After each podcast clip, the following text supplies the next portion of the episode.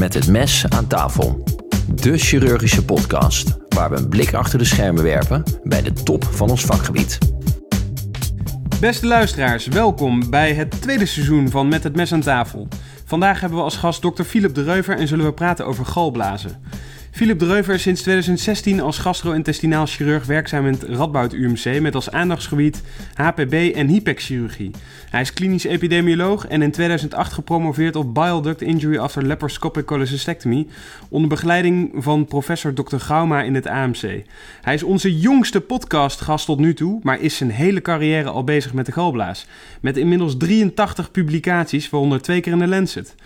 Hiernaast heeft hij nog tijd om uh, onder andere dingen te doen, zoals bijvoorbeeld lid van de cabaretcommissie Regio 2 en het rennen van de zwaarste marathon ter wereld, de 240 kilometer lange marathon du Sable in de Sahara van Marokko. Dokter de Reuver, Philip, welkom. Waar ben je opgegroeid? Dank. Uh, ik ben opgegroeid in, uh, in Holte. Daar ben ik geboren en getogen. Dat is Holte? in het oosten van Nederland, voorbij Deventer. Oké, en waar ben je gaan studeren uiteindelijk? Ik heb uh, geneeskunde gedaan in uh, Rotterdam. En de opleiding? Uiteindelijk in Amsterdam, na een omzwerving via mijn kooschappen in het Deventer ziekenhuis en vanuit Groningen. Oké, okay, dat is wel uh, door heel Nederland dus. Ja. En je hebt voor het Radboud ook nog in het buitenland gezeten? Na mijn um, promotie heb ik mijn opleiding in, het, uh, in de Amsterdamse regio gedaan. Eerst in het Spaarne ziekenhuis met veel plezier en uh, daarna nog een deel in het AMC. En toen ben ik voor, uh, afhankelijk voor een jaar naar uh, Sydney gegaan, naar het Royal North Shore Hospital bij uh, Jess Samra en Tom Yu, de, een HPB Fellowship. HPB Fellowship. Ja. Om, om te kijken of, je het, of dat echt was wat je de hele leven voor de rest wil doen. Um, ja, ik denk wel dat ik in, mijn, in het laatste deel van mijn opleiding op zoek was naar... wil ik dit inderdaad de rest van mijn leven doen? En dat heb ik gedaan door en het onderzoek op te starten. En ik dacht nog een jaar heel hoog volume uh, chirurgie en, uh, en dat doe je daar. En wat was het alternatief? Wat overwoog je op dat moment uh, als plan B? En dat had ik eigenlijk niet. Nee, ik wilde heel graag weg. Ja. Ja, ja, ja. En toen ben je één jaar in Sydney geweest? Ja, ik ben begonnen voor een jaar. En uh, dat, uh, in het begin was dat gewoon zwaar. En je verdient niet zoveel. En uh, um, de werktijden zijn gewoon anders dan in Nederland. Um, maar gaandeweg vind je dan toch ook je ritme zeven dagen in de week. En uh, heb je het ook naar je zin. Um, dus toen hebben we wel gekeken of we zouden blijven. Uh, en toen uiteindelijk ben ik er anderhalf jaar heb ik er gezeten. En naar je zin met je gezin? Met z'n vijven zaten we daar, ja. ja. En aan te raden, zo'n tijd in het buitenland? Ja, absoluut. Ja, iedereen. En niet, niet alleen om...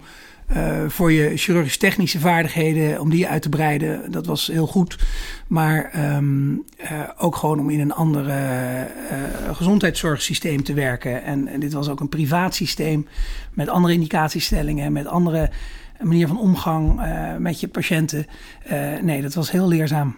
Um, dus dat kan ik zeker iedereen aanraden, ook al is de markt misschien niet goed en heb je het gevoel dat je hier je voet tussen de deur moet krijgen, um, ga ergens anders kijken. Ja. En uh, in je vrije tijd daar surfen? Uh, pas aan het eind. Uh, nee, in het begin was er niet zoveel vrije tijd. En, nee. en toen daarna? Toen vanuit het onderzoek, het galblaasonderzoek, wat we op hadden gezet uh, vanuit het AMC samen met het Radboud, uh, kwam er hier een fellowship in het uh, Radboud UMC vrij. Dus toen ben ik vanuit Sydney naar, naar Nijmegen gekomen. Ja, kleine overstap. nee, wel een grote overstap, maar ook heel leuk. En sindsdien hier gebleven? Ja, en mijn fellowship hier vervolgd en afgemaakt en toen uiteindelijk een vaste aanstelling gekregen. Ja, en misschien is heel anders, maar waar Australië al in het midden van het land veel zand kent, um, heb jij gewoon 240 kilometer door het zand gerend in de zwaarste marathon wereldwijd, de Marathon du Sable in de Sahara van Marokko bij Ouarzazate. Um, uitzonderlijke prestatie. Je hebt zelfs daarmee de Nederlandse Wikipedia-pagina gehaald over Marathon du Sable. Waar, waarom ging je deze challenge aan? Omdat uh, ik uitgenodigd werd door een uh, collega, uh, Maarten Staring, met wie ik geneeskunde studeerde in, in, Rotterdam. En Maarten die had samen met drie anderen hadden zij de oceaan overgeroeid. En uh, met enige jaloezie had ik dat project uh, gezien en, en nauwlettend gevolgd. En toen kwam hij na twee, drie jaar kwam hij met het ridicule plan om een dag, iedere dag een marathon te lopen door de Westelijke Sahara. En dat hebben we toen, met, ook met z'n vieren hebben we dat gedaan. En dat was fantastisch. Dus dan ren je zes marathons achter elkaar eigenlijk? Ja, iedere dag één. En dat unsupported, hè? Dus je had alle, alles draag je op je rug en alleen water bijhalen. Ja, dus je drinkt iets van 9 liter water op een dag en uh, heel veel zouttabletten, ja. ja. En je slaapt op een matje onder de sterrenhemel. Ja, ja. ook op een paracetamolletje. En wat dacht je uh, na die zes dagen? Het is fantastisch. Nog een keer? Nee, ik heb, het nooit, ik heb het niet nog een keer gedaan. Ik zou wel nog wel een keer willen. Maar je hebt in de wereld zulke fantastische uh, challenges en, en, en, en, runs. Dus uh, er is vast nog wel eens een keer iets. Onderwerp. Onderwerp. Onderwerp. Onderwerp. Van de week. Um, vandaag um, zullen we praten over de, de galblaas. Eerst zullen we het hebben over galsteen-gerelateerde ziektebeelden. Daarna galblaas, polypen en carcinoom. En vervolgens bij de tips en tricks bespreken we operatieve technieken en de behandeling van galwegletsels. Um, en we beginnen met galstenen. Hoe worden deze eigenlijk uh, gevormd en waar bestaan ze uit? Ja, in de westerse wereld, eh, bij ons zijn het voornamelijk uh, cholesterolstenen. En uh, die staan, het cholesterol door de stase in de galblaas bij een verminderde motiliteit. En dat is ook eigenlijk de onderliggende reden waarom we nu zo'n hoge prevalentie hebben van galstenen. Omdat we uh, met z'n allen steeds een beetje zwaarder worden. En die motiliteit van die galblaas neemt af. En, uh, Waarom neemt die af eigenlijk? Ja, dat weet ik niet zo goed. En ik geloof ook niet dat we dat heel erg goed weten waarom dat zo is. Maar je ziet ook bij diabetes dat motiliteit afneemt. Maar uh, ook mensen die zwaarder zijn, daar uh, neemt die motiliteit van die galblaas af. Dat uh, die, die gal, die, sla, of die cholesterol slaat neer en dan krijg je cholesterolstenen. Ja. Ook wel de risicofactoren voor die fatty female. Ja, ja, precies. En dieet, je zei cholesterol, een cholesterolrijk dieet moet je vermijden? Moet je vermijden, ja. Dat stimuleert dus de aanmaak van, van galstenen. Ja. En dan, um, hoe vaak, uh, hoeveel mensen in Nederland, als je ze gewoon van straat plukt, uh, hebben nou galstenen, zonder dat ze misschien klachten hebben? In Nederland worden per jaar worden er 33.000 patiënten gezien uh, in de tweede lijn met, met galstenen. Um, en er worden er in Nederland per jaar ongeveer 25.000 geopereerd. Dus dat is uh, per dag in de week zijn er 65 mensen die een gola's inleveren in Nederland. Ja, ontzettend veel. Ja. ja. Um, en als je ze nou uh, per toeval vindt, uh, galstenen, is dat een reden om daar iets aan te doen? Nee, om zeker niet. Nee. En is er dan nog een verschil tussen sludge en stenen? Heel vaak schrijft de radioloog op sludge gevonden. Nou, ik denk dat je dat sludge ook tot uh, kolieken kan leiden en ook tot uh, biliaire pancreatitis kan leiden. Dus ik, ik, zou niet zeggen dat je bij sludge uh, minder alert moet zijn dan bij, bij galsteenlijden. En wat is dat nou precies? Is dat nou, zijn het gewoon een heleboel hele kleine steentjes? Of is het een soort voorloper van het formeren van grotere stenen? Of is het echt iets anders, sludge en, en stenen? Nee, ik weet ook niet of het een voorloper is. Ik, Nee. Het is ook het neerslaan van de cholesterol eh, op de bodem van de galblaas. Ja, ja, ja. Ehm, en dan eh, bij ongecompliceerd galsteenlijden is het volgens mij zo dat de stenen in de galblaas pijn veroorzaken als, eh, als die samenknijpt en die, die steen die rolt dan voor de ductus en de uitgang is even geblokkeerd? Of, of hoe, hoe krijg je die koliekpijnen eigenlijk? Ja, een echte biliaire koliek, dus uh, die zich karakteriseert door een uh, stekende pijn in de, in, in de bovenbuik of uitstralen naar de rug, waarbij je echt bewegingsdrang hebt en, uh, en soms mensen vertellen dat ze kruipend over de vloer gaan. Dat is toch wel het, het idee dat, je, dat er een steen passeert op dat moment. Dus die steen die probeert, omdat die maag, omdat die galblaas zich leegknijpt en gal afvloeit naar de darm bewerkstelligt, die, die steen wil daarin mee, maar die krijgt de ruimte niet. En dan krijg je inderdaad uh, die contracties die tot heel veel pijn leiden. Je, je geeft zelf al aan een um, aantal um, symptomen aan die voorkomen bij galsteenlijnen. Pijn in de flank, um, uitstraling naar de rug. maar wat is nou precies de definitie van symptomatisch galsteenlijden? Ja, dat is een hele goede vraag. Want ik denk dat dat, dat is precies wat we nu aan het definiëren zijn. Heel lang, sinds 1988, toen hebben ze ooit in Rome hebben ze de Rome drie criteria voor een biliaire koliek uh, geformuleerd. En daarin zeggen ze dat pijn die minstens een kwartier aanhoudt en uh, in de bovenbuik en uitstraalt naar de rug, dat dat een biliaire koliek is. Maar we weten ehm, inmiddels dat pijn door galsteenlijden inmiddels veel gevarieerder kan optreden. En um, uh, wat dan echt de criteria zou moeten zijn om te opereren, dat, dat hebben we met elkaar in de chirurgische gemeenschap nog niet goed geformuleerd. En daar zijn we nu, dat proberen we te definiëren. Dus er zijn geen goede criteria voor wanneer je moet opereren? Niet in de huidige richtlijn, nee. nee. En wat, wat vind je zelf? Wanneer, wanneer moet je het opereren? Nou, wat ik net beschreef, zo'n echt zo'n klassieke biliaire koliek, dan uh, is denk ik een, uh, de galblaasoperatie de meest dankbare operatie die je kan doen. En uh, dus als mensen dat beschrijven, dan kan je ook zeggen dat je ze daarvan afhelpt. Maar als we nu naar die grote series in Nederland kijken van patiënten die zich melden bij de chirurg, dan is maar minder dan 65%, ongeveer 65%, heeft daadwerkelijk die biliaire koliek. Dus er is ook nog 35% die een ander soort van buikpijn rapporteert, maar wel galstenen heeft. En uh, toch een groot deel daarvan opereren we nog steeds. En ik denk dat we met elkaar beter moeten gaan kijken, kritisch moeten kijken naar wie je wel opereert en wie je niet opereert. Ja. Want die biliaire koliek, die opereer je immers wel weg. Hè? Je haalt die galblaas weg, je haalt die galstenen weg. Dus die biliaire koliek, die opereer je echt wel weg. Maar uh, we zien dat, en dat laat de, die Secure Trial zien, dat 40% uh, een jaar na de operatie nog buikpijn rapporteert. En niet een beetje buikpijn, maar echt nog wel veel buikpijn. 40% van alle patiënten die een electieve cholecystectomie krijgen ja. voor, voor ongecompenseerd gas en ja. ja. ja, dat is wel ontzettend Eigenlijk gewoon te veel. Nou, dat, dat denk ik. Ik denk dat we kritischer kunnen zijn en dat je uh, goed moet luisteren naar een patiënt. En op het moment dat je eigenlijk merkt dat, het, dat die biliaire koliek niet op de voorgrond staat, maar bijvoorbeeld uh, maagzuur of mensen hebben meer het gevoel uh, of melden meer klachten van dyspepsie of obstipatie, dan, dan moet je ze ook zeggen dat de operatie mogelijk die biliaire koliek wel weghaalt. Die echt die karakteristieke pijn rechtsboven in de buik. Maar al die andere pijn, die blijft nog. Ja. zeg je dan op de poli dat er een kans is van 40% dat ze pijn houden? Ja, ik denk dat het inmiddels heel goed is om, om een patiënt van tevoren goed uh, uh, aan hun verwachting te voldoen. Door te vertellen dat de kans uh, groot is dat er andere buikklachten voor in de plaats komen of meer naar de voorgrond komen. En nou worden er eh, veel patiënten door de huisarts eh, verwezen met, met buikpijn en op de echo galstenen. En dan worden die mensen denk ik heel vaak op de lijst uh, gezet. Um, maar hoe zou je dat moeten aanpakken dan, denk je, als je daar wat restrictiever in wil, wil zijn?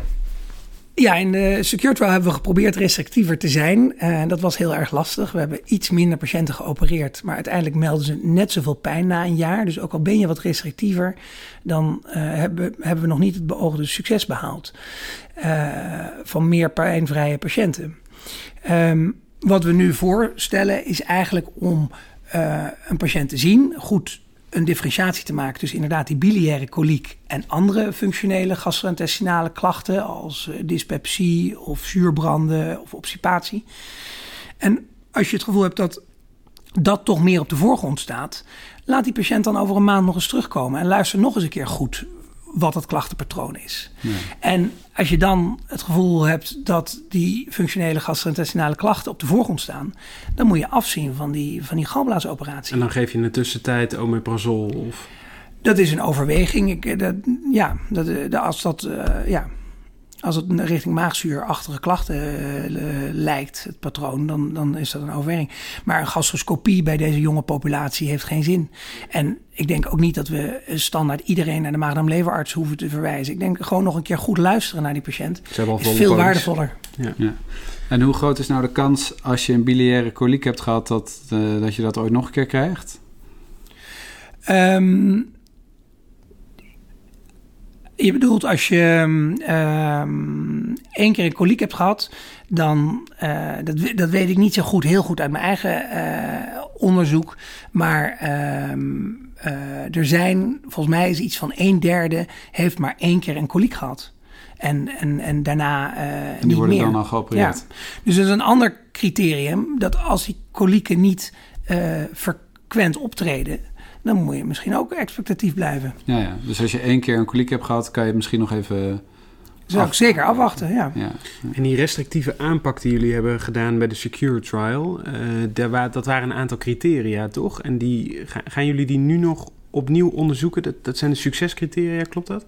Ja, die, uh, die vijf criteria die we hanteerden. Dus we zeiden, opereer nou alleen als iemand inderdaad die volgens die Rome-criteria daaraan voldoet, maar ook uh, zijn pijn reageert op uh, eenvoudige pijnstilling of inderdaad het uitstralen naar de rug.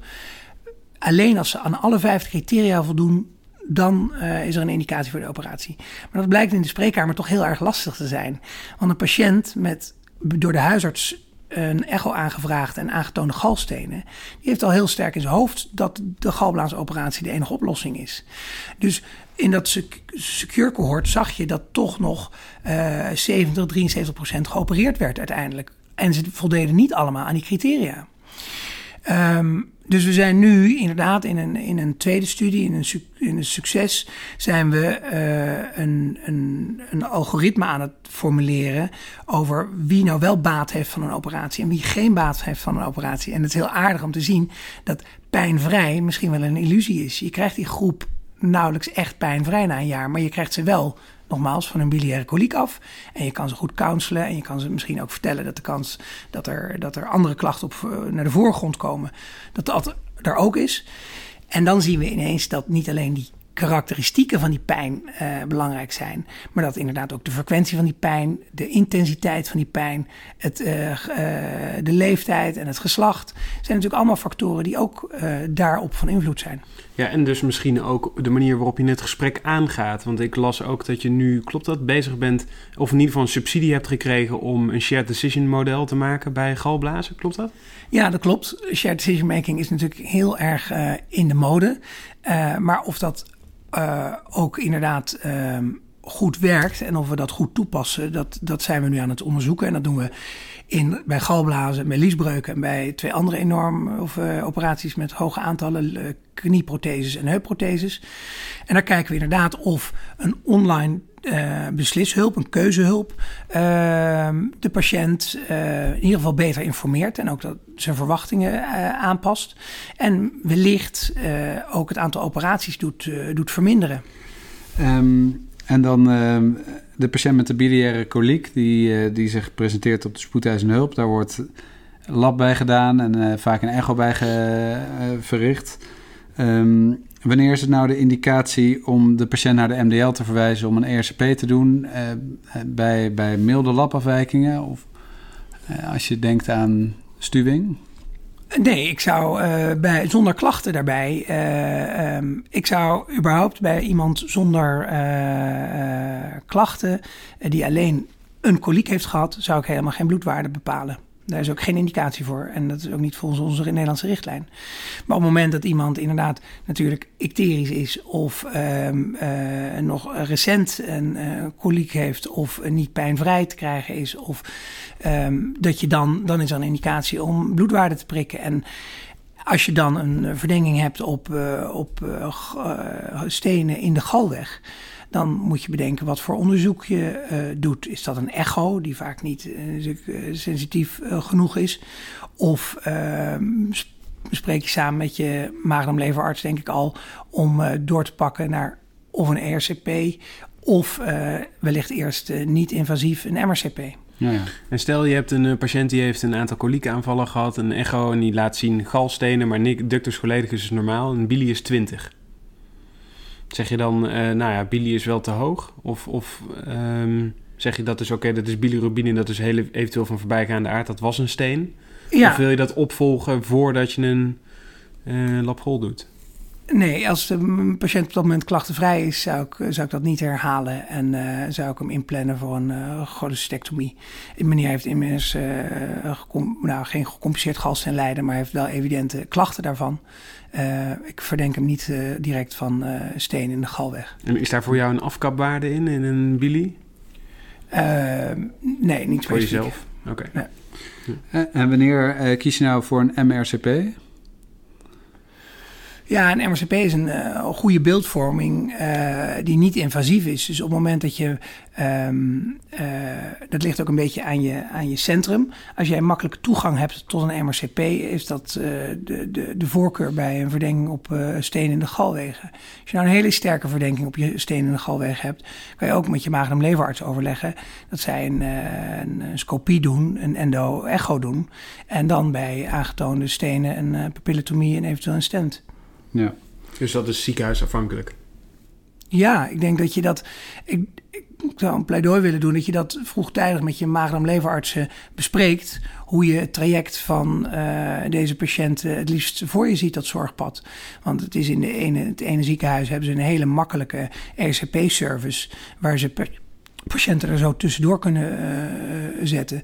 En met de andere uh, ziekenhuizen is dat gecompliceerder, maar heb je wel weer makkelijker toegang tot een MRCP. Ja. Maar iets niet invasiefs heeft in principe in eerste instantie de voorkeur. En wanneer doe je dan de cholecystectomie? Uh, ja, het liefst in dezelfde opname mocht die patiënt opgenomen zijn in verband met een biliaire uh, uh, pancreatitis of inderdaad met um, een steen in de galwegen en een RCP, dan, dan zou het mooi zijn als je, als je de, de mogelijkheden hebt om op korte termijn daarna direct je, je cholecystectomie te doen. Ja, ja. Studies laten zien dat het complicatierisico niet hoger is. Dat zou bij wijze van spreken dezelfde dag kunnen. Je, je hoeft er niet even, niet even te wachten. Ja, dat zou in principe dezelfde dag kunnen, ja. ja. En andersom, als je um, in, in veel landen wordt per operatief een cholangiogram gemaakt. Um, maar dat doen we eigenlijk niet in, in, in Nederland. Althans, ik heb het nog nooit ergens gezien. Nee, dat is jammer dat we daar geen ervaring meer uh, of geen ervaring mee hebben. Uh, um, of het in Australië en in andere landen gedaan wordt vanwege een uh, financiële incentive. Of dat ze echt zeggen van ja, dit helpt mij in uh, het identificeren van achtergebleven galstenen. Uh, dat laatste hebben we uitgezocht in, in, in Sydney. In het, en dan vinden we toch maar echt bij patiënten die we niet verdenken van stenen. Vinden we ook in minder dan 3% vinden we daadwerkelijk iets van een steen of een concurrent in de galwegen tijdens die uh, intraoperatieve cholangiogram. En ik denk dat in de praktijk die steen uiteindelijk passeert postoperatief. Ja. We hebben natuurlijk altijd de angst dat die clip, dat, er, dat het systeem onder druk komt te staan, dat die clip eraf valt. Maar uh, dat, dat, die cijfers kennen we niet goed genoeg om echt te zeggen dat dat een risico is. Het fraaie van het cholangiogram vond ik dat je wel de hele galweg en ook de discus altijd helemaal mooi schoonmaakte. Ja. Dus naar mijn gevoel zagen we daar minder patiënten postoperatief toch nog even met een, met een passerende steen op de spoedeisende hulp. Ja. Want die galwegen waren schoon. Ja. En is er dan nog plek voor een uh, exploratie? Ja, maar dan heb je het over een hele andere patiëntengroep. Dan, uh, op, je bedoelt op het moment dat je uh, stenen in de galwegen ziet per operatief, die je niet verwacht had, dan denk ik dat je eigenlijk een, uh, een transities door, ja, door, de, door de ductus cysticus een katheter moet opvoeren uh, en uh, zo die galsteen voor je uit moet duwen. Maar voordat je dat in Nederland geregeld hebt met je loodjassen aan en iedereen uh, paraat, dan ben je alweer een stuk verder. We, we, hebben daar weinig ervaring in, dus ik, ik, ik zou dat dan laten doen door iemand in een APB-centrum die, die veel galwegen reconstrueert. Ja. ja, duidelijk. Want als je de, de steen er met een ESP niet uitkrijgt die in de geleden zit, dan zou je dat dan wel uh, in Nederland doen, een, een CBD-exploratie? Ja, als die, steen, uh, daar, als die steen eruit moet, dan uh, is dat de enige weg, ja. Ja, en dan doe je een lapotomie en zoek je... Ja, ik denk eventueel dat je het ook uh, scopisch zou kunnen doen. Maar uh, ja, je wil wel goed weten waar die steen zit. En uh, dan kan je de ductus openmaken. Vaak is die ductus dan ook prettig verwijt. Dus dat maakt, maakt de ingreep dan eenvoudiger. Ja. Hoe vaak doe je dat nou op jaarbasis? We zien het toch heel weinig. Ja. ja. Dus ik denk dat we, we hebben nu dit jaar hier in het Radboud hebben we één patiënt met een, inderdaad een vastzittende steen. Maar die, gaan we, die gaat wel voor een exploratie. Ja, ja. interessant. En als zo'n steen dan een permanente obstructie geeft van, van de galblaas, dan, dan krijg je een calculeuze cholecystitis. Althans, dan als, verstopt het en dan uh, gaat die galblaas ontsteken. Um, hoe is de klinische presentatie ook weer? De, de pijn rechterbovenbuik, leukocytose en koorts is de klassieke trias, toch? Ja, en dan heb je ook eigenlijk genoeg, vind ik, om uh, direct aan een cholecystitis te denken. En dan gebeurt het natuurlijk nog steeds heel vaak dat de patiënt dan dat je toch een echo aanvraagt en dat de radioloog niet helemaal conclusief is. Ja. Ik denk dat een, een cholecystitis is een klinische diagnose, precies op de parameters die je net noemt. Maar uh, tegenwoordig wordt er niet meer een patiënt aangemeld uh, zonder dat dat radio, radiologisch is bevestigd. Nee, dus dan wordt er vaak eerst een echo gemaakt en die is, laat dan niet een evidente wandverdikking zien. Dus dan um, gaat of die patiënt naar huis of die patiënt wordt opgenomen. Uh, terwijl we eigenlijk wel weten dat we naar een cholecystitis zitten te kijken. En vaak worden die patiënten dan te veel uitgesteld. En uh, ik denk dat je, dat je veel, of niet veel laagdrempelig, maar dat je best laagdrempelig bij deze klinische diagnose een diagnostische laparoscopie zou kunnen doen. En, en een cholecystectomie. Ja, ja. En een, een CT als tussenstap, heeft dat dan nog aanvullende waarde? Ja, die kan soms wel beter differentiëren dan. Uh, het ligt ook een beetje aan de habitat van de habitus van de patiënt. Ja. Maar uh, uh, ja. En bij een, een acalculeuze cholecystitis zijn er geen galstenen. Wat is dan precies de pathofysiologie? Ja, een alcoholeuze cholecystitis zijn natuurlijk met name patiënten bijvoorbeeld die, waarbij een consult wordt gevraagd op de IC. patiënten die al bijvoorbeeld ziek zijn en een uh, sepsis hebben gehad. Of een, en daar is mogelijk bijvoorbeeld door een, een lagere bloeddruk... Uh, is de, de bloeding van die galblaas minder goed geweest in een periode. En heeft dat toch geleid tot een, tot een ontsteking van de galblaaswand. En een acalculeuze cholecystitis, ja, ook die galblaas moet je in principe opereren. Maar dat moet je in het geval van een IC-patiënt goed natuurlijk overleggen met en de intensivist en de anesthesist. Maar dat zijn dus over het algemeen zieke patiënten die niet primair een galblaasprobleem hebben, maar secundair ten, door een Veelal. zeer sepsis iets. Ja. ja. Um, en dan de behandeling van een cholecystitis. Uh, dus dan, uh, dan willen we graag praten over wanneer je antibiotica geeft, of er plaats is voor percutane drainage en wanneer je een cholecystectomie doet. Uh, antibiotica, uh, is daar plek voor bij bijvoorbeeld patiënten met een uitgebreide comorbiditeit en een milde cholecystitis? Nee, de Peanuts 1 heeft eigenlijk laten zien dat je. Eh, dat is de studie uit um, het Antonisch ziekenhuis van collega Boerma. Die heeft heel mooi laten zien dat het, het complicatiepercentage niet hoger is als je bij een milde cholecystitis geen antibiotica geeft. En, moment, uh, of nee, die heeft laten zien, sorry, dat, we, uh, dat je geen verlengde antibiotica prophylaxe moet geven bij een milde cholecystitis. En we doen nu in Nederland wordt de PNITS 2 door dezelfde onderzoeksgroep verricht. En daarin kijken ze of inderdaad of je eigenlijk helemaal geen prophylaxe hoeft te geven. Zoals je dat ook bij een gewone symptomatisch galsteenlijden en een cholecystectomie ook niet geeft. Ja, ja. Maar kan je sommige patiënten alleen met antibiotica behandelen? Nee, ik denk dat je die antibiotica die, die pas je toe om, om een systemische infectie te behandelen. Maar de cholecystitis wordt daar niet mee behandeld. Dus ik denk dat je, dat hebben we wel geprobeerd uit te zoeken in een systematic review, waarin we al dit soort patiënten op een rij hebben gezet. Maar daarin was geen plek voor uh, antibiotica als, als overbrugging. Nee. En de percutane galblijsdrainage, is dat dan een, een last resort? Dat denk ik inderdaad. Uh, de, uh, de chocolate trial, ook van collega Boerma, heeft natuurlijk heel mooi laten zien dat het aantal complicaties door die, door die percutane drainage enorm toeneemt. En dat zijn met name de re-interventies en de heropnames. Um, en dat er eigenlijk veel meer verbeterde, verbetering toegepast wordt door gewoon vroeg te opereren.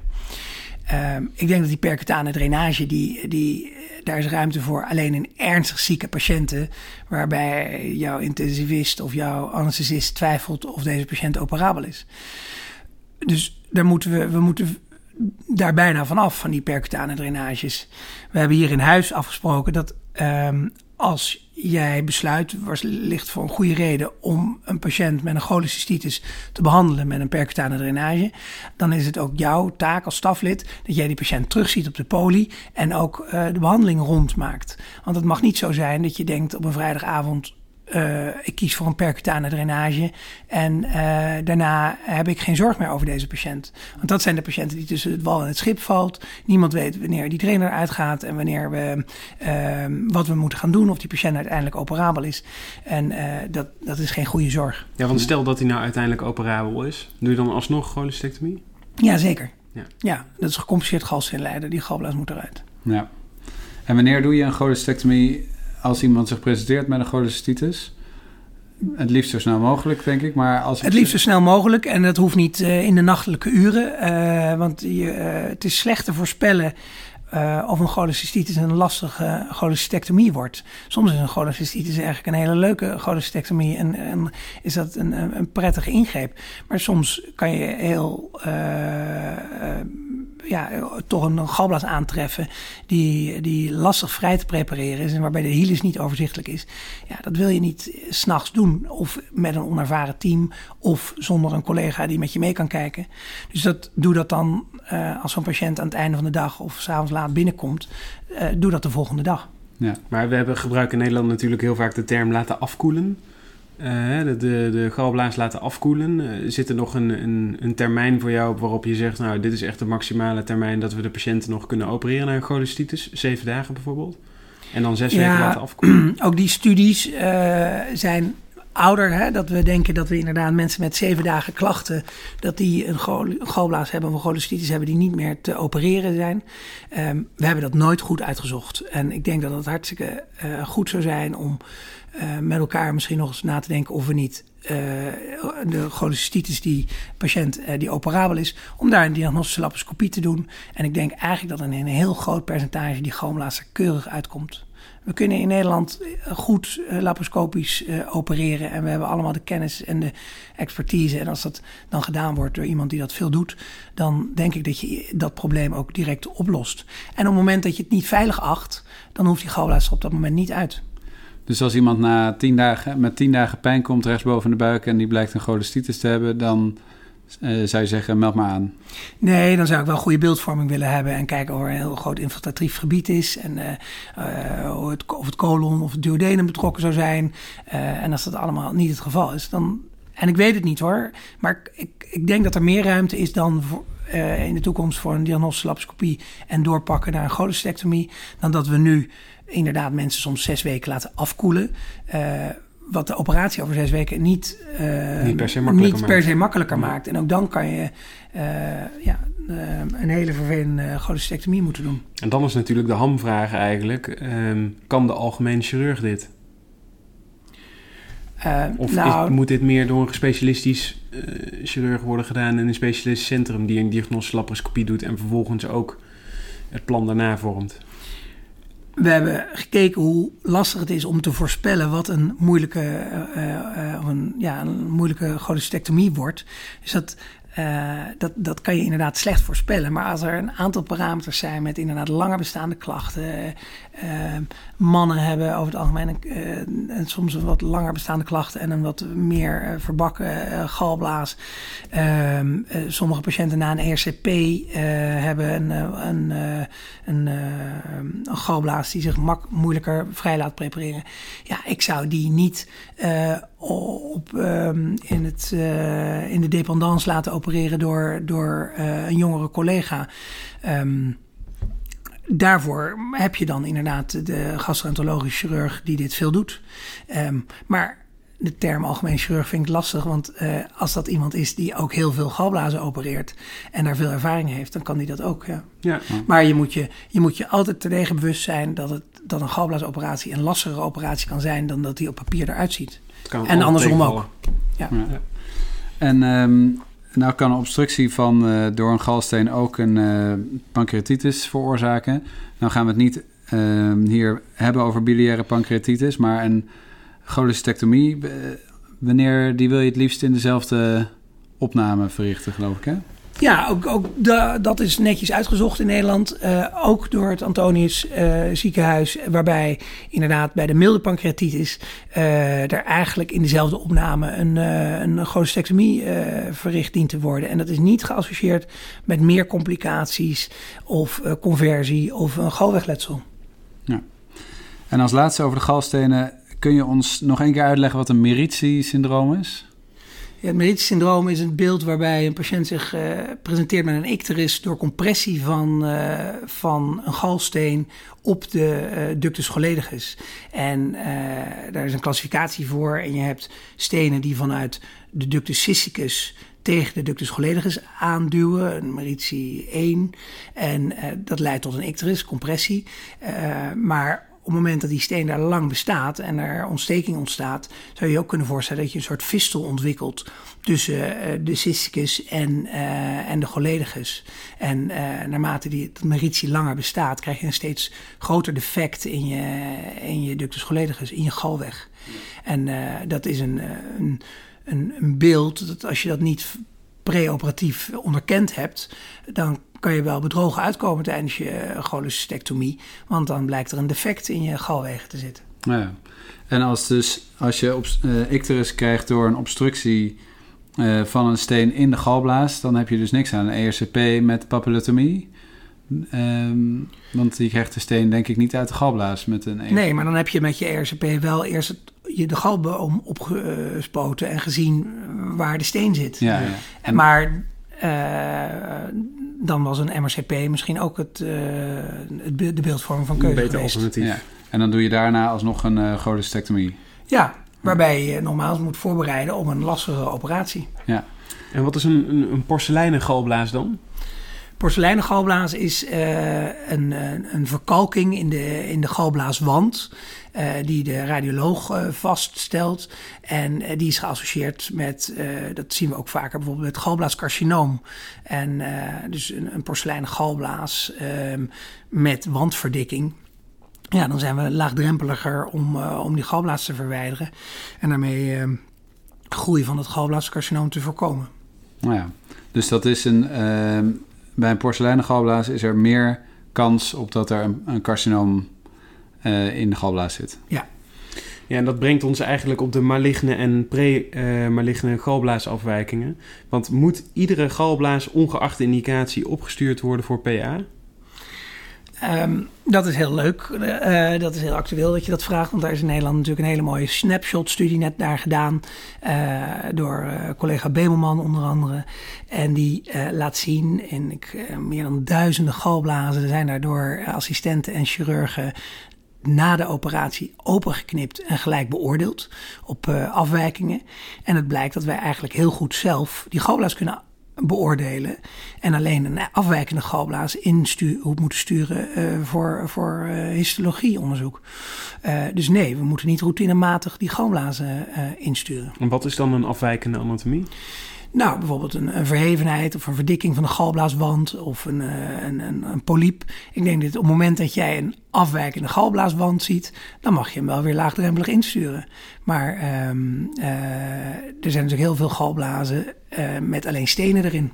Ja. Dus jij zegt eigenlijk elke galblaas openknippen, kijken en alleen insturen op indicatie. Zeker. En uh, de incidentie van een maligniteit bij gewoon een electieve um, cholecystectomie, waarbij je geen maligniteit verwacht, is ontzettend laag. Hè? Daarom is die, die studie uh, denk ik ook in eerste instantie opgezet.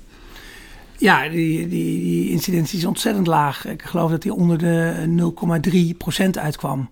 Uh, die incidentalomen. Ja. En um, uh, ja. En um, stel je vindt een maligniteit, wanneer doe je dan aanvullende resectie?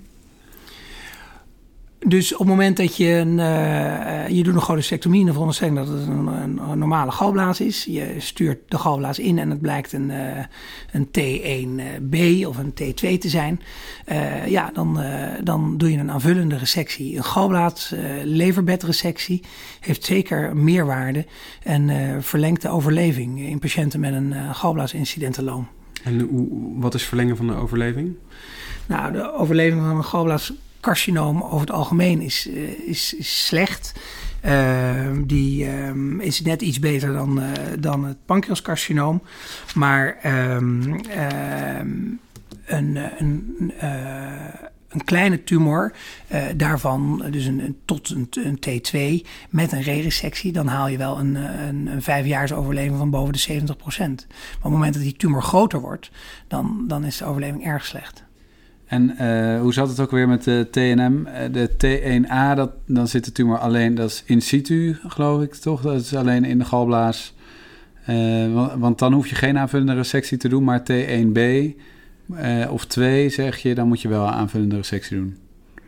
Bij een, ehm, een eh, T1A beperkt die tumor zich tot de lamina propria. En bij een T1B eh, gaat hij de muscularis in.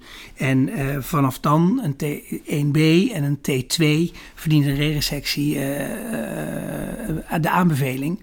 En verbetert dat de overleving. Op het moment dat, een, dat er grotere tumoren sprake van is, ja, dan, dan, dan moet je inderdaad een, een segmentresectie gaan doen. Ehm, en bij echt grotere tumoren hebben we net uitgezocht dat, dat die extended resecties bij een, bij een tumor met een dergelijk slechte prognose, ja, dat is maar echt voor een hele geselecteerde groep eh, is dat eh, zinvol. Ja. En dan doe je ook een lymfeklierdissectie eh Ja. bij... eh, Langs het ligament. Ja, ja, ja. En dan galblaaspolypen. Wanneer, wat, hoe, wanneer doe je nou precies een follow-up? Ja, een galblaaspoliep is. ehm, allereerst is een galblaaspoliep natuurlijk eh, vaak ehm, eh, slecht eh, te beoordelen op een echo. Dus er wordt heel vaak door een laborant of door een radioloog gezegd: dit is een galblaaspoliep. Maar dan maak je nog een keer een echo en dan blijkt daar geen sprake van te zijn. Dan was er een steen die in tegen de wand aan vast zat of iets anders. Dus je diagnostiek van een galblaaspoliep, die, die verdient ook meer aandacht. Ik denk dat je een, een goede dedicated echo moet maken om echt te weten of je het over een polyp hebt en hoe groot die is. En, en we zijn in Nederland de polyp-studie aan het doen om inderdaad te kijken eh, hoe het beloop is van polypen over de tijd. Eh, de richtlijn zegt nu alle polypen boven de centimeter zou je moeten opereren. Maar we zien ook dat, eh, we hebben dat in de, in de histologische database in Nederland uitgezocht, dat heel veel polypen die groter dan een centimeter waren, een benigne polyp betroffen. Dus dan zou je kunnen stellen dat dat een onnodige cholecystectomie was. Nou zit er in die groep natuurlijk ook heel veel patiënten die gewoon klachten hadden van hun galblaas vanwege galstenen. Dus eh, de indicatiestelling valt bij een polyp natuurlijk altijd samen met... eh, zijn er ook klachten, eh, ja of nee? Als die polyp nog groter is dan een centimeter... en de patiënt maakt zich daar ongerust over... dan is een cholecystectomie te overwegen. Maar als die over de tijd, na een half jaar bijvoorbeeld, niet groeit... en de patiënt maakt zich daar ook geen zorgen over... dan zou je daar best van af kunnen blijven. En hoe, de- oké, dus stel hij is 0,8 ehm, millimeter, je vervolgt. Hij is na een half jaar is hij 0,9 millimeter. Zeg je dan ook even... En de patiënt wil geen operatie, zou de patiënt ook niet opereren. Oké. Nee. En bij, eh, ik dacht anderhalve centimeter moet je een open cholecystectomie doen. Nee, dat zou ik ook niet doen. Ik zou een, eh, een Altijd een laparoscopisch. kijkoperatie doen. Ja. Ja, ja, oké. En dan ehm, maak je dan per operatief een echo. Nee, voor een polyp? Nee, zou ik. eh, nee. Volgens mij staat in de richtlijn wel dat je bij een grote polyp open resectie moet doen. Maar dan heb je, dan denk ik niet meer dat je dan spreek je dus eigenlijk ook de verdenking uit om een galblaascarcinoom. En dan ligt het natuurlijk aan of die aan de anterieure zijde of aan de peritonale zijde ligt of aan de, aan de leverzijde. Eh, en ook dan denk ik dat we in Nederland eh, goed genoeg onze laparoscopie op orde hebben om een, een galblaas eh, te recesseren met een leverbedresectie. Ja, Of een galblaasbedresectie. ja. oké. Tips en tricks. Dan gaan we naar de tips en tricks, dokter Dreuver. Eh, de cholecystectomie. Wat is de beste techniek voor een cholecystectomie? Laparoscopisch, robot of single poort? Ik denk dat we in Nederland het beste eh, ervaring hebben en een, een hele goede laparoscopische cholecystectomie kunnen doen. En ehm, eh, dat het daar nog heel lang bij blijft. En ehm, wat zijn nou indicaties om te converteren naar een open cholecystectomie? Een, eh, een bloeding. eh, en ehm, als je ervaring hebt dan, eh, en je kan het niet goed overzien en je, in de hilis, dan is er een overweging om te converteren. Maar converteren, je moet wel het is niet zo dat je als je converteert dat je het dan beter gaat zien. Dus je moet wel ervaring hebben in dat gebied voordat je daartoe besluit. En uh, het is ons helaas in die grote serie met galwegletsels te vaak gezien dat je patiënten ook na een conversie toch nog een, uh, een lelijk galwegletsel opliepen. Ja, ja, want... ja oh, sorry. Ja. ja, precies. Want in, in NTVG van 2009 heb je letterlijk gezegd: converteren moet je leren. Ja, dat denk ik ook dat dat klopt. Omdat de groep die dat. We zijn uh, allemaal laparoscopisch uh, opgeleid. En die, die, groep wordt alleen maar groter. En de mensen die open in die leverhelis opereren, die is heel klein. En die heeft, als je niet die ervaring hebt, dan, nogmaals, dan, wordt dat zicht niet beter na een conversie. Dus um, dat moet je leren. En als je daar ervaring in hebt, dan is dat prima. En dan kan je inderdaad op die manier veilig die galblaas verwijderen. Maar als je het niet kan overzien en je hebt geen ervaring met conversie dan moet je misschien overwegen om gewoon te stoppen met de operatie, je instrumentarium te verwijderen en die patiënt uitleg te geven wat je gezien hebt en hem te verwijzen naar iemand die dat wel kan. Of je doet het in je eigen centrum een ander moment. En dat wordt natuurlijk op zich wel een, een bijzonder verhaal met onze, um, met onze jonge garde, aangezien wij allemaal laparoscopisch opgeleid worden en bijna nooit converteren of bijna helemaal nooit een open cholecystectomie doen. Dus dan is het uh, kijken, denken we, of uh, proberen, kijken, het lukt niet, dichtmaken en naar een, naar een academisch centrum verwijzen? Nou, of, of samen met een collega opnieuw inplannen voor een, voor een open cholecystectomie. Maar inmiddels, we zijn ook veel beter uh, geworden met onze laparoscopie. Dus die, de, de reden om te converteren, uh, de indicaties, die nemen af. En uh, bij een hele lastige galblaas, wanneer moet je nou uh, stoppen? Of is er plek voor een subtotale cholecystectomie? Ja, ik denk dat stoppen, uh, dat is natuurlijk niet heel erg in de aard van de chirurg. Maar dat is wel een optie. Op het moment dat het onveilig is en je komt te dicht in de hilis en je denkt dat er een mogelijke kans is om daar letsel te maken, dan is stoppen altijd een optie. Een ander goed alternatief is natuurlijk om samen met een collega te kijken of je niet toch voorzichtig verder kan. en um, conversie hebben we net besproken. En de laatste optie is inderdaad een, subtotale cholecystectomie. Waarmee uh, je wel uh, je um, galwegletsel voorkomt.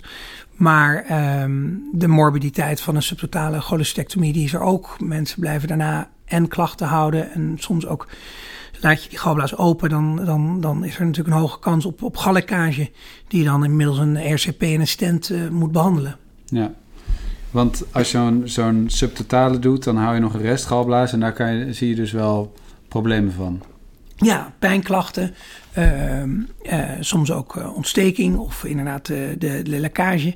En het, in, het, in de grote serie die we daar vanuit Amsterdam op een rij hebben gezet, zag je toch nog dat, dat 20% uiteindelijk nog eens een keer voor een, voor een re-interventie ging. 20%. Ja. En wat was ook alweer de klassificatie van galwegletsel? Er zijn meerdere klassificaties voor galwegletsel. Um, vanuit Amsterdam uh, hadden we de A, B, C en D uh, klassificatie. Um, en dat was eigenlijk een uh, makkelijk te hanteren klassificatie. Want de A, dat was een lekkage van de ductus cysticus. De B, dat was een lekkage van de ductus choledicus. de C was een structuur van de ductus choledicus. En de D Um, uh, was een, echt een, dan, een transectie van de ductus met, met weefselverlies.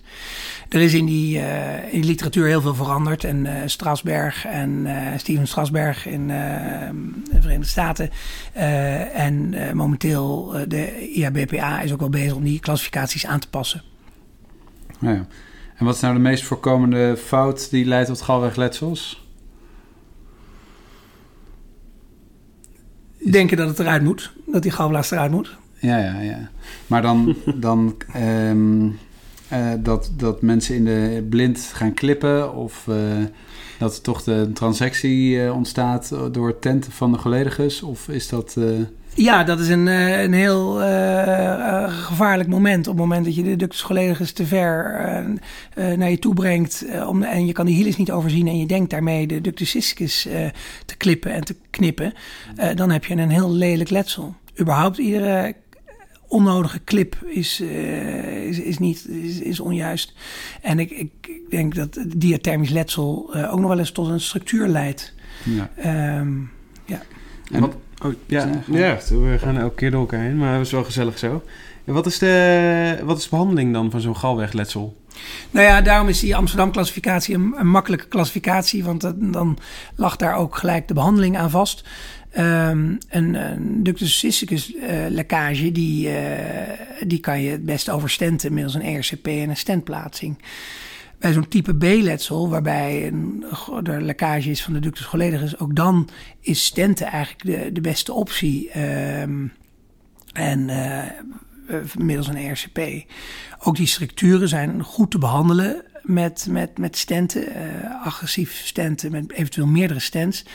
Uh, leidt tot goede uitkomsten waarin uh, veelal daarna niet meer geopereerd hoeft te worden. Maar als je nou inderdaad zo'n type D-letsel hebt waarbij je en een, een, echt een transectie van de choledicus hebt en ook, ook weefselverlies. Ja, dan, dan veelal uh, krijgen die mensen toch in een later stadium een hepatico-jejunosomie, een, een reconstructie om, om die galafvloed te bewerkstelligen. En kan je nou, als je een transectie hebt van de, van de en je hebt het direct in de gaten, kun je dan dat weer end-to-end aan elkaar zetten? Dat kan, maar um, daar moet je dan wel ervaring in hebben. Dus ik zou het, iemand die dat niet uh, wekelijks doet, uh, of dan dat afraden. Maar er is, het is wel heel fijn namelijk dat je, het, dat je je letsel direct erkent. Want een heel groot deel van de galwegletsels wordt natuurlijk niet per operatief onderkend. Dus op het moment dat je per operatief ziet dat er letsel is, dan zou ik zeker en met een collega uh, overleggen, maar ook met iemand uh, in een HPB-centrum wat te doen. En soms is dat eigenlijk een drain erbij en ehm, de patiënt wakker laten worden, uitleggen wat er gebeurd is en dan insturen. Ja, oké. En um, soms worden Luschka-takjes wel eens beschreven als oorzaak voor postoperatief gallekkage. Um, wat zijn dat nou precies ook alweer, Luschka-takjes? Ja, een, ductus van Luschka is wel beschreven als een, inderdaad een, een, een, een galtak uh, in het leverbed of in het galblaasbed. Op het moment dat je daar die, die galblaas hebt uh, vrijgeprepareerd, dat daar uh, gallekkage kan ontstaan. En dat zie je dan niet per operatief, maar kan tot postoperatief tot, tot een vervelend biloom leiden of, of ernstige complicaties. De behandeling daarvan is natuurlijk het biloom draineren en ook zorgen dat de druk in het systeem omlaag gaat. En soms is dat met een papillotomie of met het plaatsen van de stent. Ja, okay. Hoe vaak komt dat voor dan? Dat weet ik niet precies. Maar uh, postoperatieve gallekkage komt uh, denk ik wel in, uh, in 4 of 5 procent voor, ja. Quick 4. Oké, okay, dan um, gaan we naar de Quick 4. vier persoonlijke vragen. Um, wat zijn je grootste passies buiten het ziekenhuis? Um, dat is mijn gezin, denk ik. Uh, Karen en drie jongens. Uh, sport. Uh, dat doe ik te weinig in teamverband, maar er wordt nog steeds graag. ik ren nog steeds heel graag. moest ik er meer noemen? Nee hoor. Nee, nee. als dit je dag vult, dan lijkt me dat voldoende. als hier tijd voor is. Nee, heel leuk. Ja. En wat zou je doen als je geen chirurg was geworden? Um, dan had ik wel iets uh, uh, buiten willen doen. Of in de bosbouw. Of uh, iets nog meer met mijn handen. En iets fysieks, ja. Bomen te bouwen. Nou ja, dat, daar zit geen brood in, denk ik. Maar, Beroepsavonturier. Ja. En als je jezelf op de eerste dag van de opleiding een advies mocht geven, wat zou dat dan zijn? Ja, echt ieder doodmoment toch gewoon naar de OK lopen om te kijken uh, wat je collega of je baas uh, daar aan het doen is en uh, hoe die opereert. Want hoe meer je ziet, het is zo ontzettend leerzaam. Ja. En wat is de belangrijkste verandering binnen de chirurgie tijdens je carrière? Dat vind ik een lastige vraag. Ik denk de generatie voor mij zal zeggen dat dat de laparoscopie was. Maar daar, ja, dat, dat was al goed toen, we, toen ik de opleiding mocht doen. Um, ik denk dat we uh, doelmatiger zijn gaan werken en kritischer zijn gaan kijken naar bijvoorbeeld antibiotica gebruik of uh, indicatiestelling. Ik denk dat we, en daar zijn we volgens mij in Nederland ook heel goed in met, met elkaar als chirurgen om, om in goed gerandomiseerd onderzoek uh, onze indicatiestelling te verbeteren. Duivelse dilemma's. Um, daar komt de eerste. Wereldwijd uitroeien van galstenen of galblaascarcinoom? Galblaascarcinoom uitroeien bedoel je? Ja. Ja, graag. Ja, oké. En je hebt in uh, beide steden gewoond, uh, maar welke kies je, Amsterdam of Sydney? Ik zou naar beide wel terug willen. Uh, maar je moet kiezen. Sydney. Je hebt een unieke stem, Filip. Uh, liever een commercial inspreken of een 0900 nummer? uh, een commercial. En opnieuw de Marathon de Sable of opnieuw de Cabaretcommissie? Opnieuw de Marathon de Sable. Okay. Uh, dan vlak voor de afsluiting willen we je nog vragen um, wat je graag wil dat de luisteraar onthoudt van deze podcast. Of wat je nog belangrijk vindt om toe te voegen aan wat we al besproken hebben. Um, omdat dat denk ik de meeste chirurgen betreft uh, dat we met z'n allen beter moeten nadenken over die indicatiestelling voor die, uh, voor die cholecystectomie bij ongecompenseerd galsteenlijden. Ik denk dat inderdaad we ons bewust moeten zijn dat uh, andere buikklachten vaak leiden tot postoperatieve pijn. En we zien die patiënten niet, die verdwijnen naar de maag-darm-leverarts of naar de huisarts. Maar dat, die groep is er wel en dat moeten we niet onderschatten. Mooi, nou dan zijn we aan het einde gekomen van deze aflevering. Philip, veel dank voor je bijdrage. Het was een leerzaam gesprek. en luisteraars, we hopen dat jullie weer aanhaken bij de volgende aflevering. Maar dankjewel voor. Uh, voor Met plezier gedaan en uh, veel succes. Dankjewel. dankjewel. Dit was Met het Mes aan tafel. Deze podcast wordt mede mogelijk gemaakt door Johnson Johnson. Dank voor het luisteren en tot de volgende uitzending.